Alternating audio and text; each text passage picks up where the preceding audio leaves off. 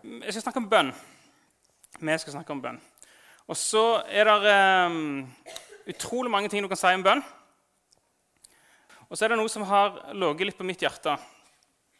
Når jeg har tenkt på det, har jeg tenkt at oh, Renate hun uh, har veldig mye å komme med på akkurat dette området.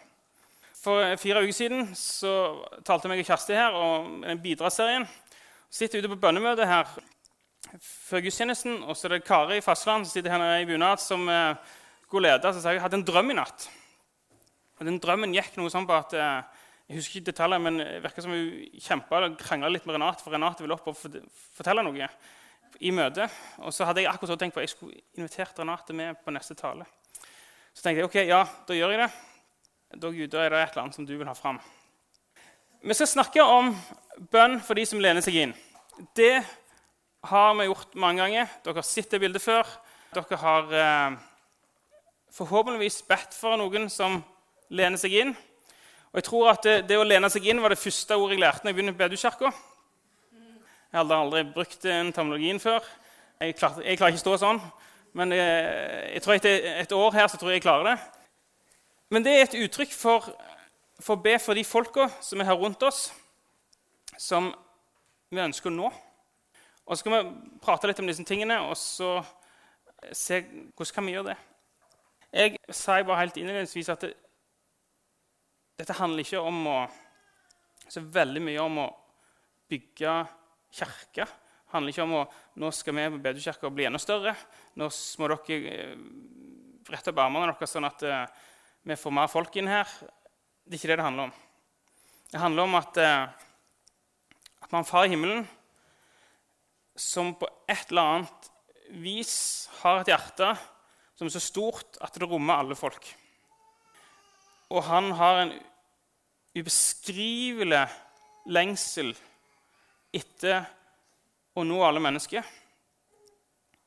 Og så er det som er fundamentet for den talen. Når jeg skulle begynne her som pastor, så fikk jeg en sånn, en sånn skriv om eh, litt som lederskap hadde jobbet med. Og det var veldig interessant.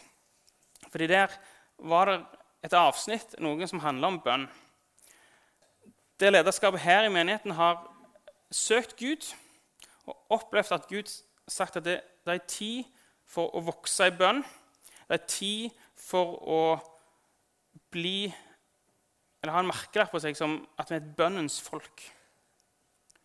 Jeg tror ikke det er sånn at eh, dere ikke har vært det før, vi ikke har vært det før, men jeg tror dette er noe vi kan vokse i. Vi kan vokse i det hele livet. Går det an å vokse og gjøre enda mer bønn. Så det er en sånn ting at i forhold til denne, det som vi skal dele, er hvordan kan vi vokse? Hvordan skal vi nærme oss dette? Hvordan skal vi bli mer likt en etikett som heter bønnens folk? Det er noe jeg ønsker. Jeg håper det er noe du ønsker. Og så er det flere nivåer her. Du kan se på deg sjøl som en enkeltperson. Hvordan kan jeg vokse? Eller eh, så kan vi se på oss som storfamilie og si Gud, hvordan skal vi vokse? Hvordan skal vi, hvordan skal vi nærme oss dette? Så i dag ønsker jeg at vi kan prøve å nærme oss litt dette og be for de som lener seg inn. Et bibelvers som jeg tenker er grunnlag for dette. 1. Timoteus brev, kapittel 2, 1-4. Der står det Fremfor alle ting formaner jeg derfor til at det blir gjort bønner, påkallelse, forbønn og takk for alle mennesker. For konger og for alle som er i høy stilling, så vi kan leve et stille og rolig liv i all gudsfrykt og ærbarhet. Dette er godt og til behag for Gud, vår frelser, Han som vil at alle mennesker skal bli frelst og komme til sannhetserkjennelse. Det er liksom Sånn er det. En grei plass å begynne setter lista sinnssykt høyt. Fremfor alle ting, sier Paulus. Paulus skriver brev til Timoteus, som er hans måte disippel. Og så sier han fremfor alt du gjør, fremfor alt som du skal inn, når du skal inn i tjeneste Som Menighetsleder et eller annet, så sier fremfor alt så formaner jeg deg at du ber. Og så påkallelse og forbønn og jeg vil takke for alle mennesker. Det er kanskje enda hardere enn å be for dem. Men alle mennesker. Jeg har ikke googla hvor mange mennesker vi bor i dag. Det kan dere gjøre hvis dere begynner å kjede dere. Så kan dere finne fram telefonen og google det. Så kan du se hvor mange du skal be for. Og det er himla mye folk. Og så, Paulus, er du seriøs? Går det an? Jeg husker når jeg studerte teologi, så brukte jeg et år på å sitte på tog fram og tilbake til Stavanger Bryne og lese en bok av Ed Selvoso som heter 'For at ingen skal gå fortapt'. Som handler om sånn systematisk bønn i en by for at alle mennesker i byen skal bli bedt for. Utrolig spennende og tung bok. Eh, og så var jeg trøtt etter jeg studerte, så det tok lang tid å lese. Men eh, jeg brukte et år på en måte Gud, dette vil du. Og så bor ikke jeg på Bryne.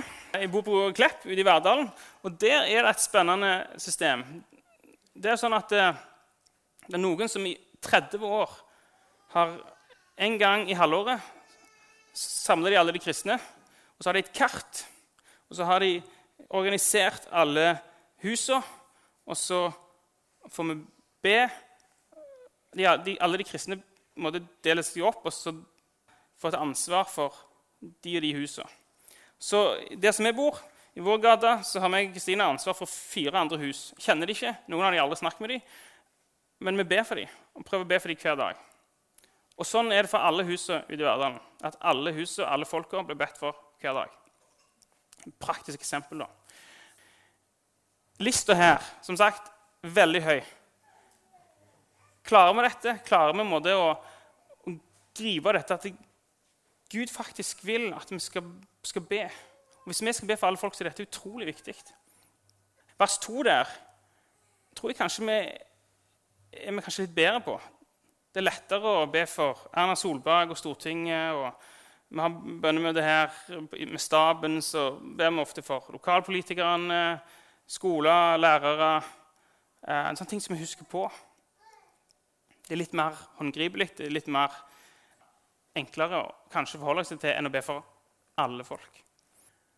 Men så er det et eller annet her med at disse bønnene som vi ber for de som lener seg inn, det er til behag for Gud. Gud har enormt behag i at vi gjør det. Så er det dette her som, som er grunnlaget. At Gud har et utrolig stort hjerte for at alle skal bli frelst, og alle skal komme til sannhetserkjennelse. Johannes 3, 16 kjenner dere til.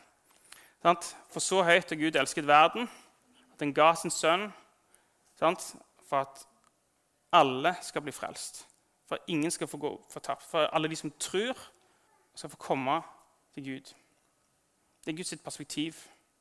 Du ser det gjennom hele Gammeltestamentet du ser det gjennom hele Nytestamentet, at Gud har en plan. Han gjør hva han kan for at alle mennesker skal komme til sannhets erkjennelse og tro. Og det skjer gjennom Jesus. Egentlig søndagsskolelærdom, men utrolig viktig for det. At når vi ber, så ber vi på dette fundamentet. Når jeg snakker med folk, så er det noen sier dette, ja, jeg har min liste. Noen sier at nei, dette får ikke jeg til, jeg glemmer det av. Det er et eller annet med dette her å be for alle disse folka som vi på et eller annet vis syns er vanskelig. Det er vanskelig å ha disiplin, det er vanskelig å være utholdende, det er vanskelig å å det stå i dette over tid. Og Hvis du skal be for alle folk i verden, så, så ja, det tar ganske lang tid. Hvis du skal gjøre det sjøl, iallfall. For min del, når jeg ber, så, så er det én ting eller noe som jeg syns er bra. Og det er å på et eller annet vis knytte bønnene mine opp på et bibelsk fundament. Og Derfor er dette her med at Gud ønsker at alle mennesker skal bli frelst. Gud ønsker at alle mennesker kommer til sannhetserkjennelse. Og så Videre så skriver Johannes i et brev han skriver det, eh, at eh, dette er den frimodige tillit vi har til Jesus. At dersom vi ber om noe etter hans vilje, så hører han oss. Og dersom vi vet at han hører oss, hva enn vi ber, da vet vi at vi har fått våre bønneemner oppfylt hos han. Så når du forhåpentligvis på et eller annet vis tar tak i Paulus sin ord, Paulus sin formaning om å be, og som vi her ved Bedekirka ønsker at vi skal be for de som lener seg inn, så, det, så vet vi at vi ber etter Guds vilje. Vi vet at Guds hjerte for alle disse folk er mye større enn en vårt engasjement, vårt, vår måte å gjøre ting på. Og så da tenker jeg at det, som Johannes da skriver, at når vi ber etter Guds vilje, så gir det oss en stor frimodighet at vi faktisk vet at vi allerede har fått bønnesvar. Og så kan du tenke ja, men jeg har ikke fått bønnesvar. Jeg har ikke, jeg har ikke sitt gjennombrudd alltid. Og til den talen, så, Før vi slipper Renate til, og hun skal få dele litt, si noe inn i dette, så er det ett bilde som bare har kverna i hodet mitt. Det står veldig mye i Bibelen om bønneskåler. Det står om, eh, Allerede i andre Mosebok står det om at, om at det var røkelse på alteret som var stige opp til Gud. Så Røkelsen er et bilde på, på bønn. Så går det helt tilbake til, helt fram til åpenbaringsboka. Innom i salmene snakker de om det samme. Men i åpenbaringsboka står det om at alle de helliges bønner er samla opp i skåler på Guds oppe i himmelen. Og når jeg tenker på dette her, Hvis du skal huske noe av det jeg har sagt, så er det noe med dette her. Det står ikke om vektskåler i Bibelen. Men for min del har dette blitt et sånt bilde på ok, jeg ber, Hvis jeg ber for Jens Det er ikke naboen min, men uh, hvis det var Jens Så sitter han på den ene vektskåla. Han er ikke frelst. Hver gang jeg ber, så legger jeg en bønn oppå den andre vektskåla. Så ikke balansen lik ennå. Så må jeg be en stund, og så må jeg be litt til. Og til slutt så vil jeg se, hvis du er utholdende, så vil du se at oi, dette begynner å jevne seg ut. Disse vektskålene vil måte, Det vil skje noe fordi at bønnene dine har stor kraft. En dag så tipper det andre vei. Renate har en del historier tror jeg, om dette, så hun kanskje forteller. Om det hun har sett.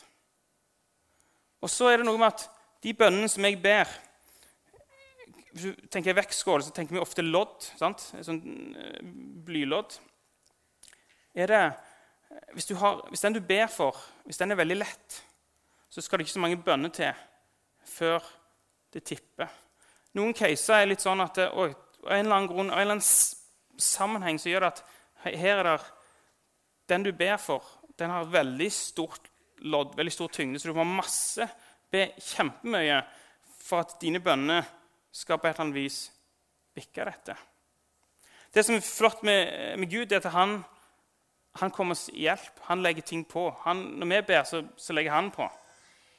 Og så er dette et bilde som sagt, på ok, La oss ha noen perspektiv, la oss være utholdende. La oss, la oss be, og la oss eh, se at ok, disse jevner seg ut, og disse tipper. Og så er det gjerne ikke sånn. Du kan bruke dette på alle ting du ber for, ikke for folk. Kanskje du ber for noen som er syke. Jeg husker en av de siste samtalene jeg hadde med svigerfar før han døde av kreft. Han spurte meg Magnar, hvordan funker dette med helbredelse. Svigerfar jobbet på Kverneland og hadde bedt for folk. Han hadde sett folk på jobb bli helbreda for kreft. Når vi bygde huset vårt, så fikk mor og far høre noen år etterpå at byggmesteren hadde hatt så vondt i ryggen. klarte ikke å jobbe Så mye. Så hadde svigerfar gått bedt for han, så han blitt helbreda. Så han opplevde store gjennombrudd bare som bang. Der var det, Han la ei bønn på, på vektskåla og tippet det med en gang. Noen ganger skjer det, noen ganger ikke. Eh, men vi ikke alltid vet hvor tungt det er på andre sida. Men vær utholdende. Men svigerfar spurte meg hvordan, hva tenker du om bønn. Han sleit med kreft, ble dårligere og dårligere, hadde håp om helbredelse. Han så det ikke. Han så ikke det kom. Han døde av kreft. Og så Mitt svar til han var en sånn øh, hva sier jeg nå? Um, men så sa jeg det at eh, jeg tror at alt du ber om, alt du ber etter Guds vilje, får du. Så har vi utrolig kort perspektiv på livet. Vi tenker at livet er fra vi lever her, til vi dør. Men i Guds perspektiv så er jo vårt liv her på jord så utrolig lite. og evigheten så uendelig mye større. Så at jeg tror at noen ganger når du ber, så vil du se at dette tipper. Andre ganger tror jeg du vil se når du kommer til himmelen, så vil du se at oi, det hadde tippet likevel. Det vil alltid være et svar. Gud, Gud vil gi deg svar. Hans løfte grunnen til jeg sier dette er at ofte så, Når vi snakker om å be for folk, når vi snakker om å be for syke, så blir vi litt sånn, ja, men jeg ser det ikke, så begynner vi å klandre Gud. Men ikke det det handler om. Det handler om at ok, kanskje helbredelsen ok, Løftene En dag skal du bli frisk. Ja, det er ikke sikkert du blir frisk i dette livet. Men kanskje blir du frisk i dette livet. Men ok, det som jeg ønsker å si er, ikke slutt å be. Ikke slutt å legge dine bønner på, på sin vektskålen. Bare be. Be. Be for folk. Be fordi du, de som lener seg inn rundt deg.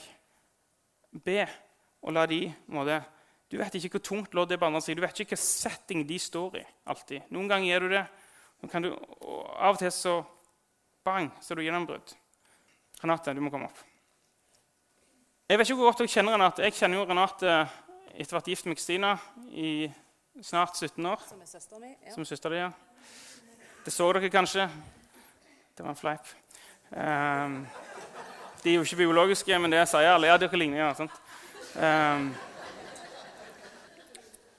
når jeg tenker på bønn, så er det ingen som utfordrer meg mer, som pusher meg mer enn Renate. Jeg vet ikke om hun har fortalt når hun sneik seg inn i Nord-Korea. over var ei isfylt elv fordi Gud sa det, og ba i Nord-Korea i 97-98. Jeg ble henta av kinesisk militære to minutter før nordkoreansk militære kom. Bønner er jo et mirakel. Hvor mange hun har snakket med når hun har vært ute og reist, på flyplasser, truffet folk i ja, bare deler Gud med dem, deler så enormt mye. Ser så mye. Og så det jeg vil at han skal fortelle om, det er hvordan ber du? Hvordan har du bedt for folk? For du har en historie. Og dette har Renate gjort lenge. Og så er det det som er spennende at For noen år siden skjedde det noe. Ting begynte å skje. Kan ikke du bare begynne? Så må jeg si det før Renate begynner. Renate forsov seg i dag. To, to timer. Jeg sier ikke det for dere skal le av henne, men jeg sier det fordi at eh, når jeg er forberedt dette, så har jeg sånn mm, Hvordan gjør jeg dette her? Og så kjemper vet ikke, Renate er den som bærer det som Gud vil si i dag. Så jeg håper at du åpner ditt hjerte nå. Så lytter du til det som Renate skal si. Eh, og så være veldig sånn OK, Lytt med dine, med dine åndelige ører. For Det som Renate kommer til å dele, tror jeg er enormt viktig. På et eller annet vis så skal det fram. Um, så uh, ja, kjør på, Renate. Jeg tror jeg bare skal uh, dele hjertet med dere. Um, jeg tror at det er Guds hjerte, at han noe han har gjort og gjør i meg, som er uh, lengselen etter å se Folk som ikke kjenner Jesus, frelst. En lengsel etter å se Guds rike komme. En lengsel etter å se folk i totalt mørke få komme inn i lyset. En lengsel etter å se å se, å se Gud på en annen måte enn den vi kanskje er vant med, eller som skjer til daglig. Jeg lengter sånn etter at folk skal bli frelst. Lengter sånn etter at andre skal få kjenne Jesus. Jeg føler jeg ser dette mørket hver eneste dag. Jeg ser mørket folk lever i. Jeg ser lengselen som de ikke vet om sjøl. Jeg ser at de sier at de har det bra og ja, jeg lever et godt liv. Helt fra de som, som ikke aner hvordan skal vi fortelle dem Jesus, for de har jo alt. Men under der så ligger det så mye tomhet. Det er så tomt, selv om de sier de har det aldri så bra så er det bare tomhet. De, er så, de trenger Gud så desperat, og de vet det ikke sjøl engang. Og så har du de som du ser med en gang at de trenger Jesus, som kanskje er nederst på rangstigen, som sliter, som trenger å bli helbreda, som trenger at vi er der, som trenger at vi viser dem Jesus. Og begge disse sidene lengter Gud etter at skal vi kjenne han. Eh, Men de må se at de er Noen ser det, mens de andre ser det ikke. At de er, at de er fortapt. Så hvis vi kommer med et budskap at, at eh, Jesus er kjærlighet, han elsker deg, og bare ta imot hans nåde, eller at du skal få det så godt, så tar du vekk noe av det aller viktigste. Og det at de skal få se hvor hjelpeløse de er. Hvor håpløse. For hvis de ikke, hva skal de bli frelst fra? Hvis de ikke vet at de egentlig er nakne og fattige. Og at ingenting de kan gjøre som kan frelse dem. At de er, de er totalt ute å kjøre. Man kan ikke bare komme og si at Jesus elsker deg. Hvis de ikke vet sjøl at, at de trenger Gud, og at de ikke vet at de lever et liv i tomhet. Jeg eh, begynte å be når jeg var 14 år. Og da tror jeg det var Jeg har vokst opp i et kristent hjem, hørt mye om bønn. Og jeg tror jeg begynte bare for jeg tenkte at dette var bra, og dette hadde jeg jo hørt om. Og, og sånn, Så begynte jeg å be for de som var rundt meg, vennene mine. Og jeg tror egentlig ikke jeg vet helt hva jeg gjorde. Eh, Men jeg ba før jeg, om, for de, før jeg la meg om kvelden. Samtidig med dette så tror jeg jeg begynte å lese i Bibelen, og jeg husker at jeg forsto ikke hva jeg leste. Men jeg leste for det om. Det var bare et eller annet i dette som jeg visste var viktig. Og det var ikke noe lov hvis det var ingen som preste det på meg, selv om jeg hadde sagt at dette var en bra ting å gjøre. Men det var en lengsel etter Gud etter å se og kjenne Han. Og en lengsel som starta med å se at Han skulle gjøre noe i andre. Og da trengte jeg ikke forstå det nødvendigvis. Du trenger ikke forstå det for å lese Bibelen. Du trenger ikke føle det for å be for noen. Men Gud vil la noe vokse i deg hvis du begynner å gjøre det. Et eller annet, En kjærlighet for andre, en kjærlighet for Han, en forståelse av Guds ord. Et eller annet vil skje inni deg. Om det er så at du begynner med det med rutiner og ikke fatter hva det egentlig det, det du gjør. Og så, når jeg var 18, så reiste jeg eh, på DTS. Og vi var en gjeng som var, ble eh, på veldig underfullt vis sendt eh, fra midt under DTS-en til Sør-Korea. På et fjell som var på grensa til Nord-Korea, der vi skulle be for Nord-Korea. Og da gjorde vi det veldig mye. Veldig aktivt. Og en gang når vi lå på kne og ba, så fikk jeg min første skikkelig sterke opplevelse med Gud.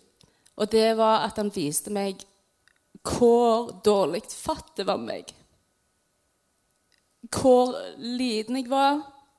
Hvor umulig det var for meg å bli frelst. Hvor full av synd jeg var. Hvor mye skam jeg hadde.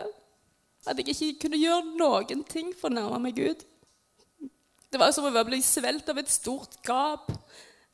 Der jeg så virkeligheten for den han var. Det var sånn Gud er her, og jeg, jeg, jeg kan ikke engang løfte blikket mitt og se på han. Jeg er ikke verdig å se på han. Og så var det forferdelig vondt. Samtidig så var det fantastisk, for det, jo, det er jo sånn det egentlig er. Det er så amazing nåden og frelsen er. For at vi kan ikke bli frelst sjøl. Og vi fortjener det ikke i det hele tatt. Vi er milevis fra Gud. Vi er ingenting. Og i det så var det så mye storhet i å bli frelst. Det var sånn, Jeg kan ikke forstå hvordan du kan frelse meg. Hvordan kan du frelse meg når du vet hvem jeg er, og vet hva jeg har gjort? Etter det så fortsatte vi å be videre. Og det neste Gud viste meg over de månedene, var jo et annet folkeslag som jeg aldri hadde truffet. Det var nordkoreanere. Vi lå på grensa og ba. Vi sto oppe på fjellet og så inn i landet og ba. Og det var det samme han viste meg for de som jeg hvor langt vekke de er fra Gud, hvor mye de trenger Jesus. Og den sorgen vi kjente på i forhold til Guds hjerte for dem. Hvordan, han, eh, hvordan våre bønner hvordan det kunne forandre dem, hvordan det kunne være med å lede dem til frelse. Men at de i utgangspunktet var alene og helt avskåret fra resten av verden. Og i den tida var det ingen som brydde seg om dem, og ingenting som sto i nyhetene. Men at Gud hadde vist sin smerte for dem og hvordan, de, det egentlig jeg var fatt med dem. Og vist det til oss, sånn at vi kunne komme og be for dem. Og så var det ei som eh, fikk et bilde som jeg syntes var veldig sterkt. Det var en, Hun så en mann, en flott, staselig mann. Så på bakken så satt det ei jente i skitne klær. Som, eh, hun var skitten, og klærne var ødelagte. Og så gikk han bort til henne og rakte henne hånda, og så bøy han henne opp til dans. Og så la hun hodet bakover og svingte seg rundt og danste og gleda seg og fryda seg. Dette rare paret med den flotte mannen og den skitne jenta. Og så var bildet det at eh, mannen er jo Jesus. Og jenta fra Nord-Korea. Han strakte ut hånda til hun som var naken og fattig, og bøyde opp til dans. De skulle få lov å danse i lag. Han ville ha henne med. Han ville redde henne. Mange av disse tingene med, har vært med å lede meg og gitt meg hjerter for andre som har vært med å gjøre at jeg kan stå i bønn for folk i lang, lang tid. Første testen min, som jeg tror faktisk var en test Det var mange ting. Det var en person som lente seg inn. Hun ville være min bestevenninne. Det var mange naturlige årsaker. Men jeg tror òg det var en slags test hun kom inn i livet mitt, og jeg fikk lov å vandre med henne i 17 år. I 17 år kjempa jeg for henne før hun ble frelst. Og det var en, et eventyr på en måte. Det var fantastisk, det var sterkt. Det var oppturer, nedturer. Jeg gikk opp og ned med henne. Det var fram til forbønn, og så var hun plutselig over i masse negative åndelige ting. og det var, eh, Plutselig var hun med på en kristen leir, og så ville hun ikke snakke om Gud i det hele tatt. og det var mye prøving og feiling. Jeg gjorde masse feil. Jeg sa for mye, jeg sa for lite, jeg konfronterte henne for fort. Jeg eh, var, var, var svak og torde ikke si noen ting. Eh, og vi måtte ordne opp i ting etterpå. Jeg prøvde litt forskjellige ting. Jeg eh, prøvde å ja, faste for henne.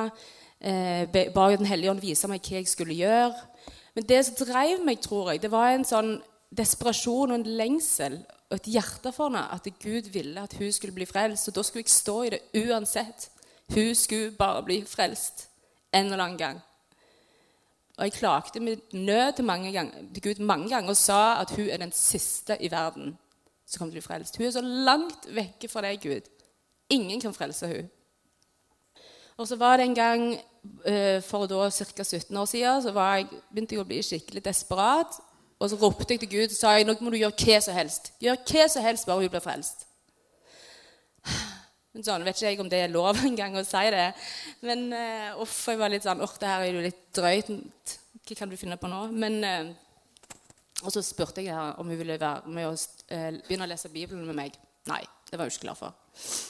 Så noen måneder etterpå det så skjedde det en stor personlig krise i livet hennes. Og da slo hun bare døra opp på vid vegg og sprang fram til forbønn. Ville bli kjent med Jesus, ville høre alt om han, trengte han. Jeg tror det er åtte år siden. Og hun er fremdeles frelst og har vært med å lede andre til frelse. Og det var akkurat som det var et gjennombrudd for meg og for hun og for, eh, ja, og for Gud. Så etter det hun som tok 17 år Etter det så har jeg sett ganske mange rundt meg bli frelst. Der jeg har hatt større eller mindre del av det. Og det er som at når det gjennombruddet kom, så fikk jeg en annen autoritet. For da hadde jeg stått i utholdenhet i så mange år. Og da var det akkurat som at um, jeg fikk en annen autoritet, jeg, jeg visste, og jeg fikk en veldig tro. Jeg vet at det er mulig at folk kan bli frelst. Jeg vet at Gud vil frelse dem, og jeg vet at det går an. Og har, etter det har det vært um, Jeg har jo noen jeg fremdeles har bedt for i 20 år, som ennå ikke frelst. Men de jeg har sett blir frelst Da har det vært mange deler av det som har vært veldig lett. Så det jeg tenk, tror jeg vil si med det, er at um, akkurat som evangeliet, så er det gratis, og det er enkelt. Men det koster deg òg alt. Sånn er det med bønn og evangelisering òg. Det er noe som er Det jeg har opplevd de siste årene, er så lett. Folk bare lander i fanget på deg, og du får bedt med dem, eller Gud viser deg enkle ting, og så blir flere av de frelst. Samtidig som det er en kamp uten sidestykke som krever alt av meg. Så du må være overgitt, og det krever mye av deg. Samtidig som det er et eventyr, og det er enkelt, og det er kjekt, og det er spennende. Eh, og Gud vil bare gi det rett i fanget på deg. Og da har det vært eh, enkle ting som bare bli ledet av Den hellige ånd i det små. Spør om jeg kan eh, bake ei kake til noen, f.eks. Få tanker om det. Da vet jo jeg med en gang at dette er ikke meg sjøl. For det, det, har jeg jo aldri gjort, nesten. Utenom en Toro-pose i ny og ne. Eller ja, be meg å gjøre enkle tjenester for dem. Eller spørre enkle spørsmål. Hva, hva tror du på? Bare la Den hellige ånd lede i de små, enkle tinga. Og sett folk bli frelst bare av å være den siste. En av de siste som får være med på den og tømme denne vektskåla. Jeg har bedt Renate om å synge en sang. Hør, når hun deler, så er det ikke bare en sånn nå skal vi be for de som lener seg inn, og så ja, da begynner vi med det. sant? Det er et annet nivå. Det hører dere. sant? Det er noe som skjer i hjertet hennes, noe som fødes en smerte her. noe som En drivkraft, en større drivkraft enn bare en strategisk tenkning. Jeg tror det er det Gud ønsker å gjøre i denne gudstjenesten.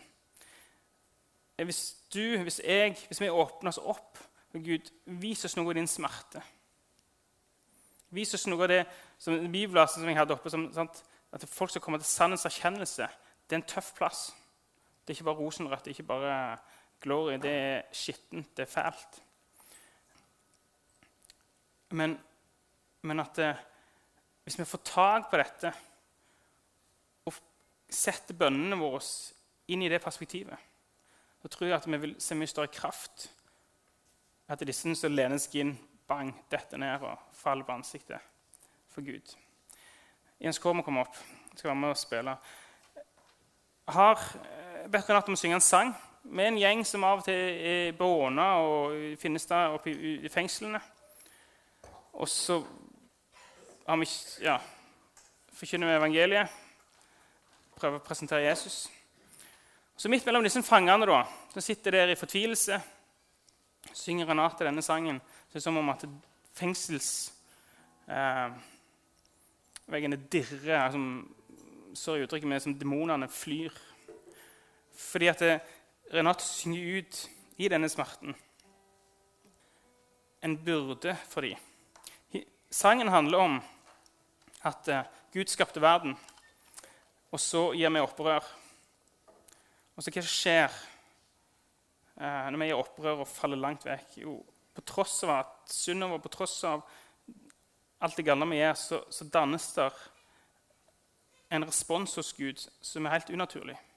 For vi tenker at Gud blir sint. Vi tenker at Gud vender seg vekk. Men, men det er ikke det Gud gjør. I Gud fødes det en sang som sier 'Kom hjem'. Så vi skal synge, nei, Renat skal synge den sangen for dere. Og så jeg ønsker bare at dere skal sitte mens hun synger. Og så åpne opp hjertet deres for Vet du hva, Gud? Hva kan jeg lære av dette? hvor kan jeg vokse? Kan jeg, hvordan, kan jeg, Gud, hvordan kan du få tak i mitt hjerte? Hvordan kan jeg, og motsatt, hvordan, Gud, hvordan kan jeg få tak i noe av den byrden av den nøden som du, Gud, ber på hver dag når du ser alle de fortapte? Yes. Da barna forsvant.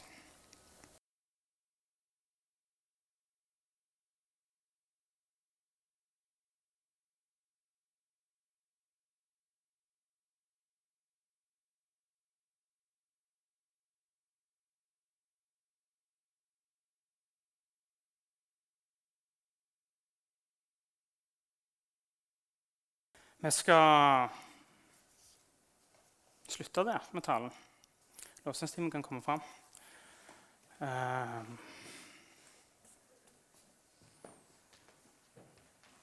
så tror jeg det handler om å bli et bønnens folk. vokse i bønn som menighet, som enkeltperson, som storfamilie. Gud, la oss få sette dette på fundament av ditt hjerte. Din forståelse av verden. Ikke på strategisk ting at eh, jeg skal få stjerne i margen for jeg ber for de som lener seg inn.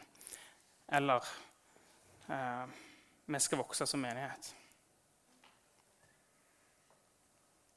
Men la oss legge det der det skal være, hos Gud.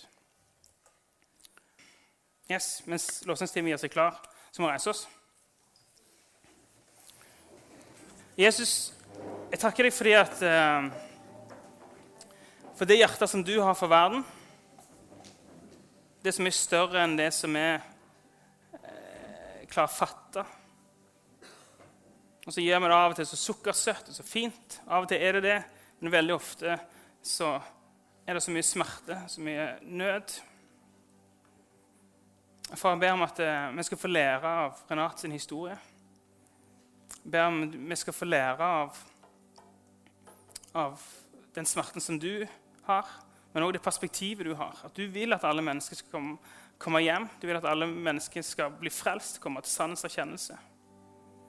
Og Nå ønsker vi som, som storfamilie å si Gud, vi vil vokse i, det å be for folk. Vi vil vokse i det og se at denne vekta tipper. Vi vil se at de som lener seg inn, de som vi ber for, de som er rundt oss Vi ønsker å se at de blir frelst. Men hjelp oss, Gud, å be med de rette motiv. Hjelp oss til å vokse eh, sånn at eh, våre hjerter har rom for noe av den smerten som drev deg til korset.